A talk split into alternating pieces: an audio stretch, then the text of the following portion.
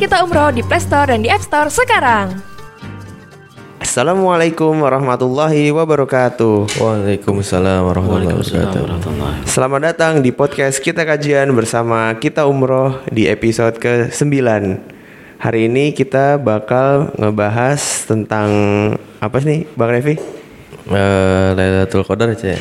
Tentang ya tentang Lailatul Qadar. Malam Lailatul Qadar itu seperti apa gitu kan. Iya. Di sini juga kita sudah hadir eh, guru kita Ustadz Faik Zamroni. Alhamdulillah. Uh, Jazakallah khair Ustadz sudah menyempatkan diri hadir di sini gitu. Alhamdulillah. Oke, langsung saja berarti ya. Uh, Iya. tentang biar Ustadz menjelaskan apa malam Walatul Qadar. Silakan Ustadz. طيب بسم الله الرحمن الرحيم. السلام عليكم ورحمة الله وبركاته. وعليكم السلام ورحمة الله وبركاته. إن الحمد لله نحمده ونستعينه ونستغفره ونعوذ بالله من سرور أنفسنا من سيئات أعمالنا. من يهد الله فلا مضل له من يضلل فلا هادي له. أشهد أن لا إله إلا الله وحده لا شريك له وأشهد أن محمدا عبده ورسوله لا نبي بعده. Alhamdulillah sehat ya Bang Rifki. Alhamdulillah sehat. Bang Revi. Revi, Alhamdulillah, ini kita sudah masuk ke hari yang Insya Allah nanti malam sudah masuk 10 Iya. eh, hari terakhir atau 20 malam ke 20 dan Alhamdulillah kita diberikan kekuatan kesehatan sampai hari ini yang mana ini ada fenomena nih Bang Revi eh, di masjid-masjid itu Bang Hmm. Iya. Rifki sekarang banyak yang mencari jamaahnya yang hilang gitu Oh iya. jadi yang di awal-awal rame penuh itu rupanya sekarang sudah jadi buronan gitu dicari jamaah kami yang hilang. Iya. Bahkan saya ada kasus yang kemarin lihat masjid yang nggak cukup tempatnya sampai dia nyewa tenda Nyewa untuk tenda biar sampai cukup. keluar ya, Ustadz. Cuman pengurus DKM-nya bilang kami cukup 10 hari saja nyewa tendanya. Loh kenapa Pak? Ya karena setelah 10 hari akan ada kemajuan gitu ya. Hmm, kemajuan saf. Iya, kita tentunya suka ya dengan kemajuan prestasi, tapi ya kemajuan staff itu kita tidak nyaman. Maka apalagi kita akan bahas tentang Lailatul Qadar yang mana Rasulullah Shallallahu Alaihi Wasallam sudah memberikan apa signal atau semacam kisi-kisi kalau bahasa kita. Jadi pas banget nih Ustaz ya. Bahwasanya Rasulullah menyampaikan taharru lailatul qadri fil ashri al awakhir bin Ramadan. Kita disuruh mencari itu. Carilah Lailatul Qadar pada 10 malam terakhir dari bulan Ramadan. Maka luar biasa nih kalau kita bahas ini apa itu Lailatul Qadar? Kalau dari bahasa Arab Lailatul Qadar itu kan malam al-qadar itu penetapan di mana yang luar biasa kenapa sampai kita ditetapkan untuk mencari eh, hari yang mulia itu yaitu Lailatul Qadar karena di situlah turunnya Al-Quran. Di bulan suci Ramadan ini adalah syahrul Quran di mana kemuliaan Al-Quran itu kalaulah ada dalam diri seseorang maka diri seseorang itu akan menjadi mulia Rasulullah SAW adalah salah satu nabi dan rasul yang paling mulia di antara para nabi-nabi. Kenapa? Karena turunnya mukjizat Al-Qur'an kepada Rasulullah Muhammad sallallahu alaihi wasallam. Kemudian kita tahu juga bahwasanya malaikat yang menurunkan yang eh, memberikan apa namanya kalau belajarnya Rasulullah itu jadi talakinya kepada siapa? Malaikat Jibril. Jibril. Dan Jibril adalah paling mulia mulianya malaikat di antara malaikat semuanya. Dan diturunkan Al-Qur'an itu pun di bulan yang alhamdulillah kita di dalamnya bulan Ramadan, maka bulan ini menjadi bulan yang paling mulia. Maka luar biasa ini adalah berkaitan erat dengan Al-Qur'anul Karim. Lailatul Qadar adalah malam di mana Allah muliakan di situlah di bulan inilah turun Al-Qur'an. Maka kita lihat contoh kecil saja kita sekarang melihat banyak anak-anak yang alhamdulillah di televisi itu ada hafid Quran ya kata apa Uh, acara apa itu hafid cilik Hafid cilik. Hafid cilik. anak-anak kecil sudah bisa membaca dengan baik menghafal banyak hafalannya bahkan ada yang sudah hafal 30, 30 juz, juz, ya. dibolak-balik ayatnya dibolak-balik suratnya lembarannya tahu dia tahu, hmm. Luar itu mukjizat Al-Qur'an. Bayangkan ketika anak kecil sekecil itu yang mungkin kalau kita lihat anak kecil kan ya mungkin kita buat mainan atau mungkin sedikit diremehkan gitu kan Iya. namanya anak kecil. Tapi ketika anak kecil itu menghafal Al-Qur'an maka dimuliakan. Kalau nggak salah ada yang seperti kembar ya siapa itu namanya saya lupa. itu sampai pergi umroh sampai di mana pun dimuliakan oleh semua orang. Karena apa? Di dalam dirinya ada Al-Qur'an. Maka kalau kita melihat bahwasanya melihat mereka ya. Kadang-kadang kita ada perasaan ya Allah mereka masih kecil tapi sudah banyak menghafal banyak uh, interaksi dengan Al-Quran kita. Ini banyak yang anak-anak muda sekarang ini style life-nya jauh dari itu. Iya. maka kita berharap bahwasanya itu jadi semacam cambuk lah. Kalau kita tahu ah ini jangankan menghafal membaca bagus ya ini kita kadang-kadang untuk dekat berinteraksi baru mau buka saja sudah malasnya luar biasa. Iya. apalagi ini sudah malam yang ke hari ke-19 kalau kita tanyakan nih sudah berapa jus yang sudah kita kelarin gitu kan? Bisa jadi malah uh, orang-orang yang mungkin teman-teman kita dia nggak sadar iya ya ini sudah mau selesai. Iya. yang mana dulu para ulama kalau sudah mau mendekati hari 10 itu mereka sedih karena apa? Ya Allah ini akan ditinggalkan oleh bulan yang mulia ini. Iya. bahkan dulu para ulama menyampaikan kalaulah kita tahu apa yang ada di dalam bulan suci Ramadan la atamanna maka saya atau kita akan berharap bahwasanya satu tahun itu Ramadan terus. Iya. satu tahun itu puasa terus gitu kan. Tapi itu ya ya bisa diungkapkan oleh orang-orang yang betul-betul imannya kuat ya. Kalau kita ya aduh cukuplah sebulan aja udah berat itu kan mungkin maka alhamdulillah Lailatul Qadar adalah di mana diturunkan eh, Al-Qur'anul Karim yang mana Rasulullah sallallahu alaihi wasallam juga diberikan kisi-kisi oleh Allah Subhanahu wa taala di 10 hari terakhir kemudian di malam-malam ganjil. Di kapan itu? Maka tidak diketahui apa hikmah dari tidak diketahui kalau misalkan diketahui oh Lailatul Qadar akan turun di malam kedua tujuh. Maka semuanya akan berjihad bermuamalah dengan Quran beribadah luar biasa di malam itu. Hanya di waktu malam itu saja. Tapi ketika hikmahnya kita tidak dikasih tahu secara jelas hanya kisi-kisi saja ya, 10 hari terakhir. Dan di malam ganjil bahkan para ulama menyampaikan bisa jadi di malam genap juga. Untuk apa? Supaya kita ini beristiqomah di 10 hari terakhir saja Allah Maha Rahim luar biasa. Kerohiman Allah ini terlihat bahwasanya kita tidak disuruh untuk oh tiga bulan untuk mencari Lailatul Qadar di tiga bulan misalnya. Oh berarti kita harus jihad ke masjid selama tiga bulan atau dua bulan atau satu bulan. Enggak. Sepuluh hari terakhir Allah tuh maha mengetahui. Maksudnya umat Muhammad ini memang banyak yang lemah gitu kan.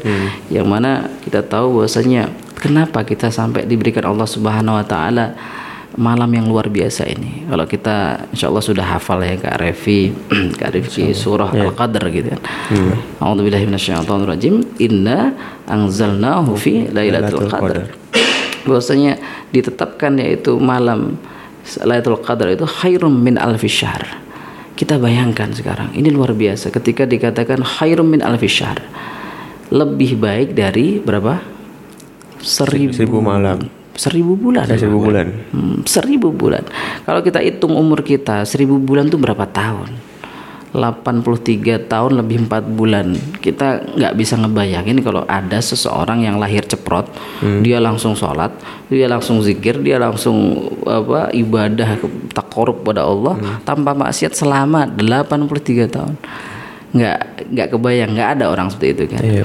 Nah, kenapa sampai diberikan eh, momen yang luar biasa ini satu malam, tapi kalau kita mendapatkan pahala itu maka kita ibadah kita sholat sama dengan 83 kali 83 tahun kita sholat. Iya. Sedekah kita dihitung berkali-kali lipat sampai 83 tahun itu sedekah bayangkan maka di mana malam itu malam 10 hari itu banyak sekali orang-orang yang akan berlomba-lomba ini orang yang sadar orang yang tahu. Makanya kita harapkan teman-teman pendengar setia apa di umroh kita ini jangan sampai nggak tahu ini. Iya. kemuliaan malam ini orang mengejar luar biasa.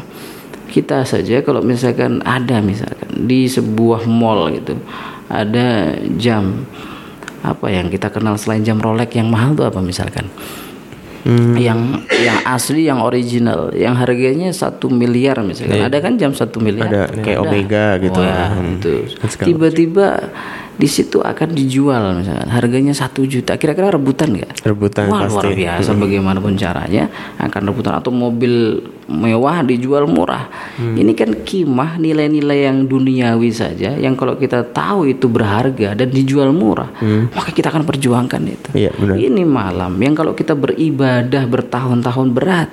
Kenapa? Karena dulu di zaman eh, apa sebelum Rasulullah SAW para apa pengikut nabi-nabi yang terdahulu itu memang umurnya panjang-panjang. Coba kita lihat berapa umurnya Nabi Nuh. Ada yang tahu, Bang Rifki? Bang Rifki berapa umurnya? Nabi Nuh sampai Seribu ya? Iya, Sampai seribu kalau. Iya dikatakan dalam Al-Quran bahwasanya falabitha fihim alfa sanatin illa khamsina berarti 950 tahun itu berdakwahnya. Sampai kemudian 60 tahun setelah itu ya 1000 kurang lebih. Bayangkan 900 tahun. Kira-kira kalau Bang Revi dikasih umur segitu mau nggak? Ada penulis apa penulis syair ya. Ya kalau nggak salah Khairul Anwar namanya. Iya. Iya. itu ada tulisannya aku ingin hidup seribu tahun lagi gitu kan. Kira-kira kalau kita dikasih umur yang panjang itu suka apa nggak kira-kira ada positif negatif sih. nah, ada positif negatif ya Positifnya kita bisa ibadah semaksimal ah, mungkin luar kan. biasa iya iya iya Negatifnya kalau misalkan kita nggak dapat hidayah, ah banyak dosa tambah juga. banyak dosa dosanya, juga. iya, benar. Iya, betul sekali makanya itu dulu di zaman dahulu para nabi-nabi itu umurnya panjang-panjang tapi umat Muhammad ini pendek-pendek antara 60 70 sudah kalau kita udah 63 lebih itu kan sudah bonus. Karena patokannya kepada Rasulullah sallallahu alaihi wasallam 63 tahun. Maka kalaulah kita tidak bisa mengejar dengan keutamaan umur kita yang sampai panjang seperti itu Allah anugerahkan yaitu malam Lailatul Qadar di mana kita akan mendapatkan kimah nilai yang sama dengan banyaknya umur itu yang kita cukup mendapatkan itu di salah satu malam. Masalahnya adalah tidak mudah. Mendapatkan. bahasa kita tidak mudah Ferguso gitu yang tidak ketemu. Nggak mudah, artinya kita harus betul-betul istiqomah dari awal juga. Kita berusaha bahwasanya apakah terlihat dari awal Ramadan karena banyak ada yang sudah berguguran ini. Di awal Ramadan itu banyak orang-orang yang sudah berguguran di 3, 4, 5 gitu kan. Di awal 1, 2, 3 masih semangat 4, 5 ke mana? ke masjid yang paling dekat pastinya dan biasanya nyari yang paling cepat juga gitu kan. Iya. Ini style-style anak muda sekarang gitu. Bahkan ada yang viral 7 menit itu kan. Iya, 7 Wah, menit. Di mana nih kalau ada yang di situ 7 menit itu. Iya. Bukannya nyari yang panjang, yang khusyuk, yang tumak ninah, yang men- mengademkan hati lah. Iya. Kita itu ikut sholat kan untuk apa? Untuk tenang, untuk bermunajat. Hmm. Jadi kita berdoa di situ, kita bermohon kepada Allah untuk diberikan banyak kebaikan. Nah, malam ini Allah Subhanahu wa taala menganugerahkan yaitu ini kalau bisa dikatakan apa ya? anugerah yang terbesar yang luar biasa bagi umat Muhammad sallallahu alaihi wasallam. Nah, bagaimana untuk cara mendapatkannya? Yang pertama tentunya kita bermohon kepada Allah untuk selalu istighfar. Itu tips-tips yang pertama. Kita bermohon kepada Allah memperbanyak istighfar. Tentunya kita sudah insya Allah sudah banyak melakukan zikir yang salah satunya adalah istighfar itu. Kenapa? Karena rupanya banyak sekali amal ibadah yang anak muda mungkin rasakan kok berat ya saya sholat ya. Misalkan di kosan kok berat sekali ya untuk ke masjid, untuk ya puasa puasa tapi nilai kualitas puasanya itu sebatas dia ngadem di tempat yang dingin biar nggak haus biar dia nggak kepanasan biar dia melewati sampai sore itu ringan gitu kan. Dengan cara apa? Tidur aja gitu kan. Dan apalagi dia dengar hadis yang bermasalah gitu kan itu. Apa? Tidur adalah- tidurnya orang puasa adalah ibadah. Ya, itu kan langsung dipakai itu. Yang dipakai yang minimalis Padahal seharusnya nilai-nilai daripada Ramadan dengan puasa itu menguatkan kita. Kenapa? Karena ruh iman itu akan terlihat dari orang-orang yang dia letih dan lapar, menahan haus karena Allah Subhanahu wa taala. Kita tahu bahwasanya siam itu kan imsak kalau bahasa Arabnya imsak itu menahan. Maka bagaimana kita menahan dari mulai pagi sampai sore itu mulut kita minimal. Ada orang-orang yang puasa, misalkan akhwat teman-teman kita di kampus itu. eh ketemu gitu kan. Kok sudah ketemu kan sudah omongannya ah gimana tuh kabar si Tini gitu. Eh katanya dia kemarin beli sepatu baru. Kita ngomongin kejelekan orang gitu misalkan. Waduh sudah enak itu ngumpul gitu kan. Dia nggak sadar bahwasanya itu adalah hal-hal yang menghilangkan pahala. Mungkin puasanya sah tetapi pahalanya hilang. Bagaimana itu? Jadi ilal ju' wal atas dia cuma merasakan haus dan letih saja. Nah di malam Lailatul Qadar ini kenapa ada kisi-kisi yang di kita diminta untuk mencari itu? Yang pertama ini adalah pembuktian iman kita Rasulullah Shallallahu Alaihi Wasallam ketika tiba di malam 10 hari terakhir, kalau di awal-awal beliau masih istirahat, Hmm, awal-awal masih istirahat, tapi kalau di 10 hari terakhir bahkan dikatakan beliau sudah menyincingkan apa lengan baju yang artinya di situ adalah beliau sudah betul-betul uh, mengumpulkan segala upaya tenaga semangat lah untuk menyambut malam itu. Beliau ingin mengajarkan pada para sahabatnya bahwasanya ini di saat ini kita ayo berletih-letih untuk mengejar malam Lailatul Qadar ini. Memang permasalahannya adalah biasanya kita kan mikirnya gini, aduh gimana ya kalau malam kan kita begadang gitu besok kerja gitu. Iya. Kalau, kalau orang yang mengerti kimahnya itu bahkan mereka sampai cuti loh dari pekerjaannya. Makanya kalau di Madinah di uh, Masjid Nabawi di Mekkatul Mukarramah itu masya Allah luar biasa. Semakin jadi kehidupan di sana sekarang berubah kalau Ramadan itu malam dihidupkan. Kalau sudah pagi itu sepi jalanan ya. mungkin sampai jam 10 orang baru beraktivitas tuh mulai siang, sore mulai rame lagi sore itu di sana. Kalau di sini mungkin ada beberapa kantor yang justru memfasilitasi. Iya. Dan kalau saya lihat, saya juga beberapa kali ngisi kajian di kantor-kantor, memang masuk kerjanya di agak siangin gitu. Mungkin setengah sembilan bisa jam sembilan. Tahu lah, oh, malam tadi begadang untuk eh, itikaf gitu kan. Kemudian istirahat sebentar nanti baru berangkat ke kantor. Gitu. Nah ini yang Rasulullah SAW uh, melihat bahwasanya bagaimana pembuktian dari keimanan seseorang itu. Ada beliau menyampaikan dalam sebuah hadis innamal a'malu bil khawatim bahwasanya seorang hamba itu terlihat amal-amalannya itu baik. Itu dilihat bukan dari awal, tapi dari al khawatim itu akhirnya. Akhirnya. Nah, kita sekarang memilih yang mana? Misalkan nih Bang Revi mau nggak di semangat di awal? Oh, luar biasa baca berapa juz itu kan.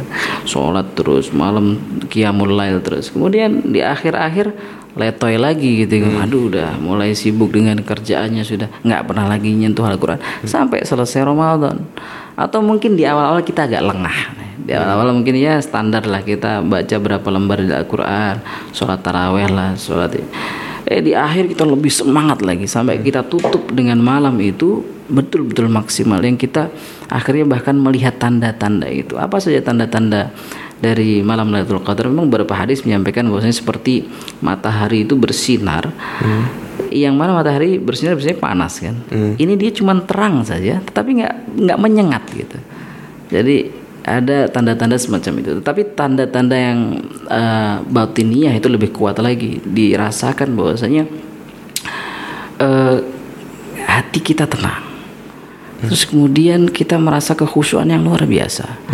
Kemudian kita merasakan bahwasanya ibadah itu lebih nyaman. Ada halawah bahasa halawah bahasa Arabnya. Ada kenikmatan, ada manis. Kita kan kalau melakukan sesuatu karena karena senang itu kan beda gitu. Beda, ya, karena passion kita gitu kan. Kita saja kalau olahraga misalkan Bang Revi sukanya badminton gitu. Disuruh main golf gitu. nggak suka. Iya. Nyaman nggak? nggak nyaman. Ya mungkin ikut-ikutan doang lah. Tapi kalau itu passionnya oh, badminton, waduh senang luar biasa. Ibadah kalau kita dengan energi iman itu beda luar biasa. Maka ketika malam-malam kita rasakan e, ibunda Aisyah radhiyallahu anha itu pernah bertanya kepada Rasulullah sallallahu alaihi wasallam. Beliau menyampaikan ya Rasulullah, bagaimana kalau aku merasakan bahwasanya malam ini misalkan di 10 terakhir itu adalah malam Lailatul Qadar. Aku merasakan ketenangan, e, merasakan bahwasanya ini ini kayaknya malam Lailatul Qadar.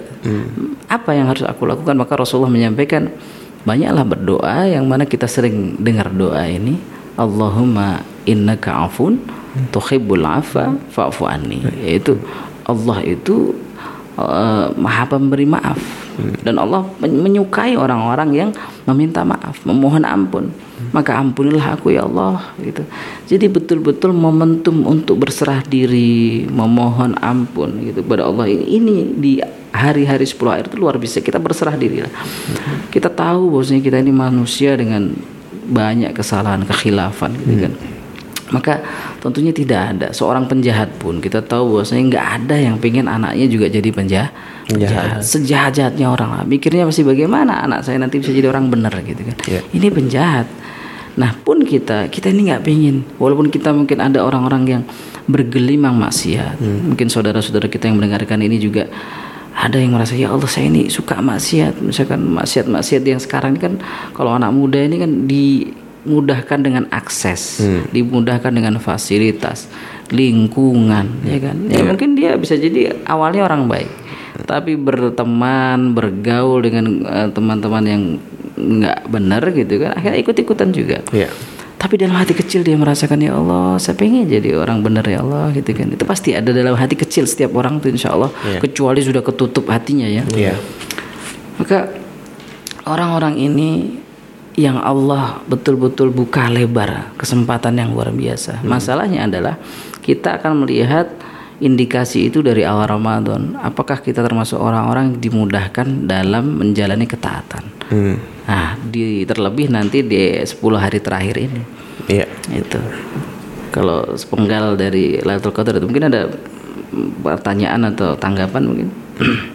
Berarti itu sih Ref tadi kata Ustadz. Kalau kita mendapatkan tanda-tanda dari Lailatul malam Lailatul Qadar adalah kita mendapatkan eh, kenyamanan, dan dalam hal ibadah gitu ya Iya, dan lainnya gitu kalau kita mendapatkan. Nah, kalau dari pertanyaan mungkin dari saya sih yang nanya, berarti kalau misalnya untuk mendapatkan malam Lailatul Qadar itu Ustadz harus di malam ganjil aja berarti ya nggak bisa di yang malam genap atau gimana? Nah, kalau itu Rasulullah memberikan dua kisi-kisi. Yang mana yang pertama yang menguatkan banyak ulama menyampaikan memang di malam ganjil. Tetapi para ulama juga tidak mengabaikan bahwasanya Rasulullah menyampaikan taharau ala Lailatul Qadar fi ashri al awakhir min Ramadan. Jadi 10 hari carilah Lailatul Qadar pada 10 malam terakhir. Nah, itu kan berarti keseluruhan. Dikuatkan dengan ganjil, tapi bisa ada kemungkinan dia yang genap.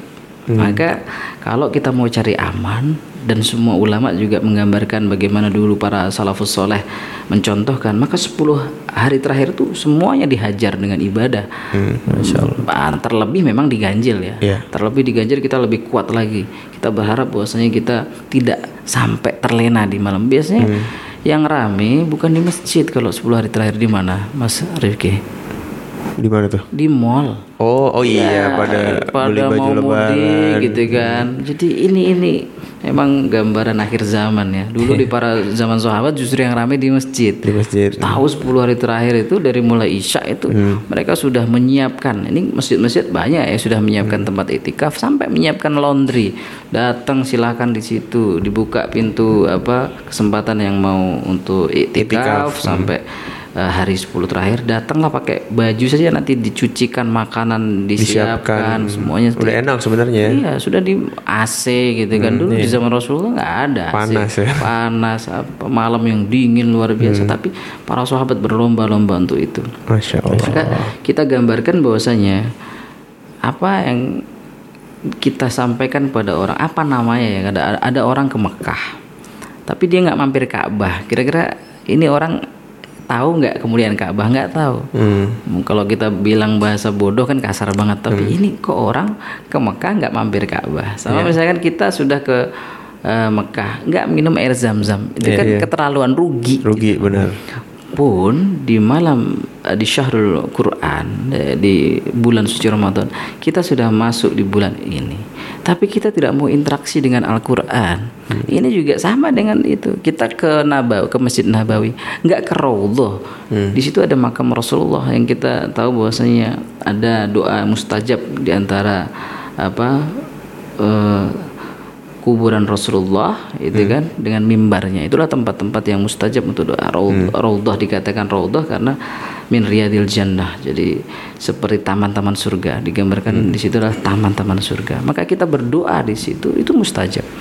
Kita sudah ke Madinah malah nggak mampir ke situ. Itu Iya. apa namanya? Nah, sama juga kita ini pengen mendapatkan Lailatul Qadar. Interaksi yang paling kuat seorang hamba itu selain zikir, selain sholat itu dengan Al-Qur'an. Karena kenapa ini dinamakan Syahrul Quran, bulan Al-Qur'an. Ya. Nah, kalau misalkan masih ada orang yang gimana sudah berapa juz di hari ke-19 ini? Ya alhamdulillah tiga juz gitu. Tiga juz. Ya masih kita syukuri lah. Eh, berapa? Dua juz. Ya masih kita syukuri nggak apa-apa lah. Sebenarnya kebangetan juga sih. Iya. Eh, berapa satu juz? Oke, nggak apa-apa. Ini ada yang belum buka Al-Qur'an sama sekali. sekali, iya. Allah. Jadi so- ini ini kerugian yang besar dan kita sebagai sama muslim mengingatkan gitu kan. Bahwasanya ada ada keistimewaan yang bisa kamu dapatkan kenapa nggak kamu ambil gitu.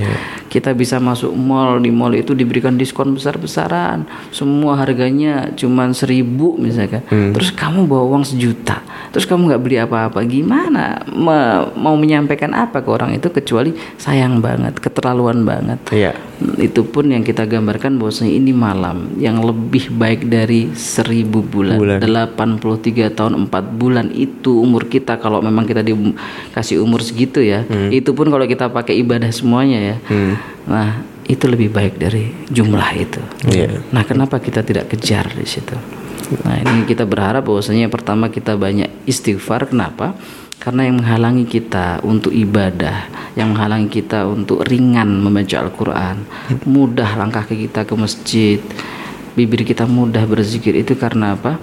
Karena dosa kita pun juga dijaga atau paling tidak kita sudah mampu membersihkan diri dengan dosa. Tapi kalau kita susah melakukan itu, susah baca Quran, susah ngelangkah ke masjid, malas segala macam. Kenapa? Itu alasannya apa? Karena banyaknya dosa. Iya. Jadi dosalah yang buat kita seperti itu. Karena dulu di zaman tabiin ada seorang murid yang bertam- bertanya kepada gurunya Hasan Al Basri, wahai guruku, setiap malam itu aku siapkan eh, bejana untuk wudhu. Aku pengen sholat malam, tapi setiap malam pun saya terlewati, bahkan subuh aja telat itu. Iya. Padahal saya niat bener. Kalau bahasa kita sekarang, saya udah nyiapin alarm.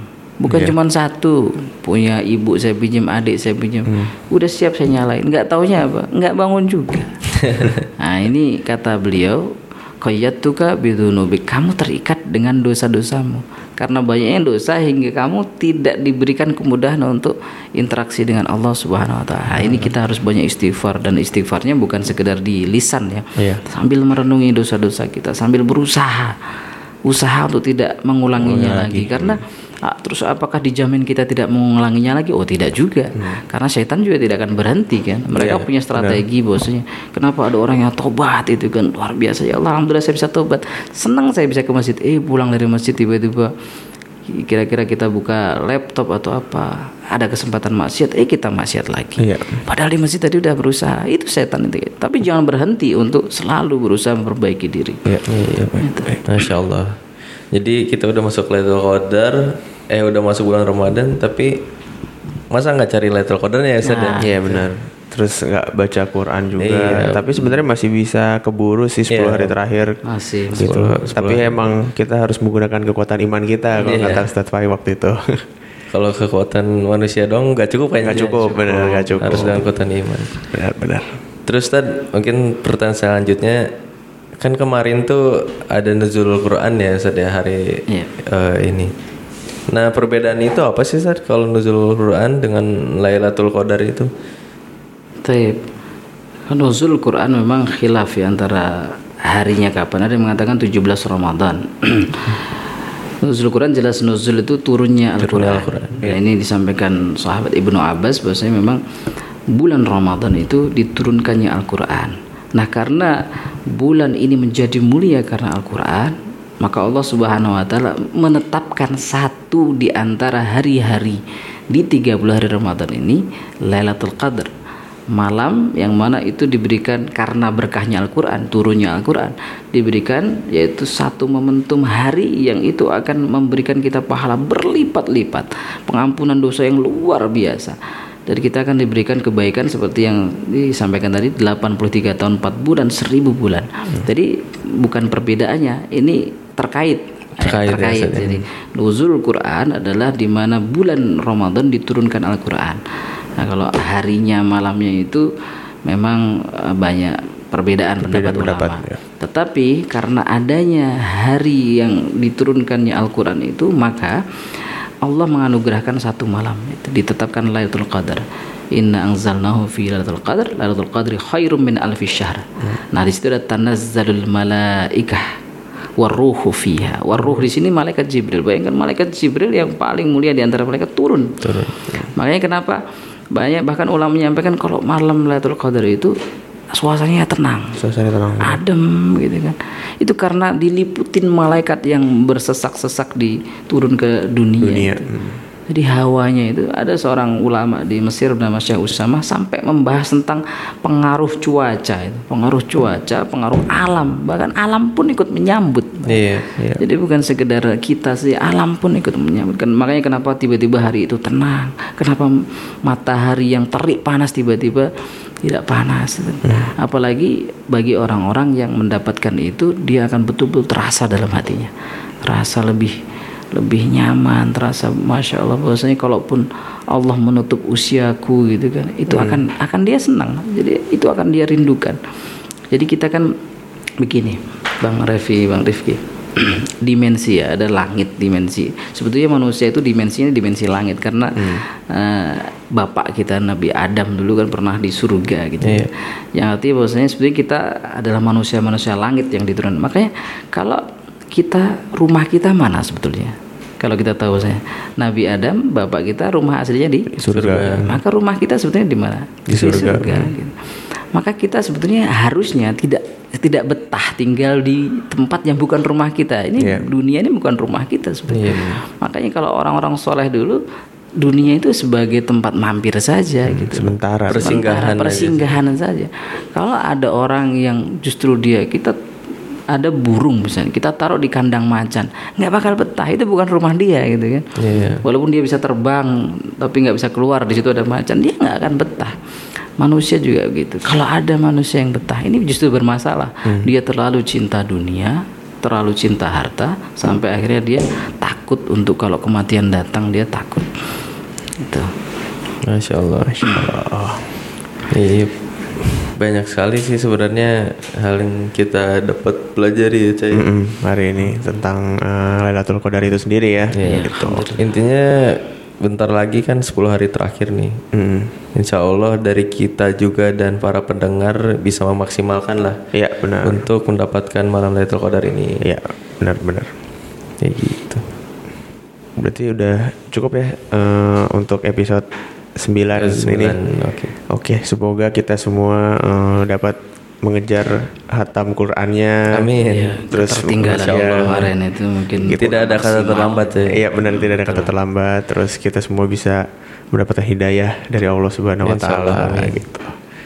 Oke, kita tutup untuk episode 9 kali ini. Eh, wassalamualaikum warahmatullahi wabarakatuh. Waalaikumsalam warahmatullahi wabarakatuh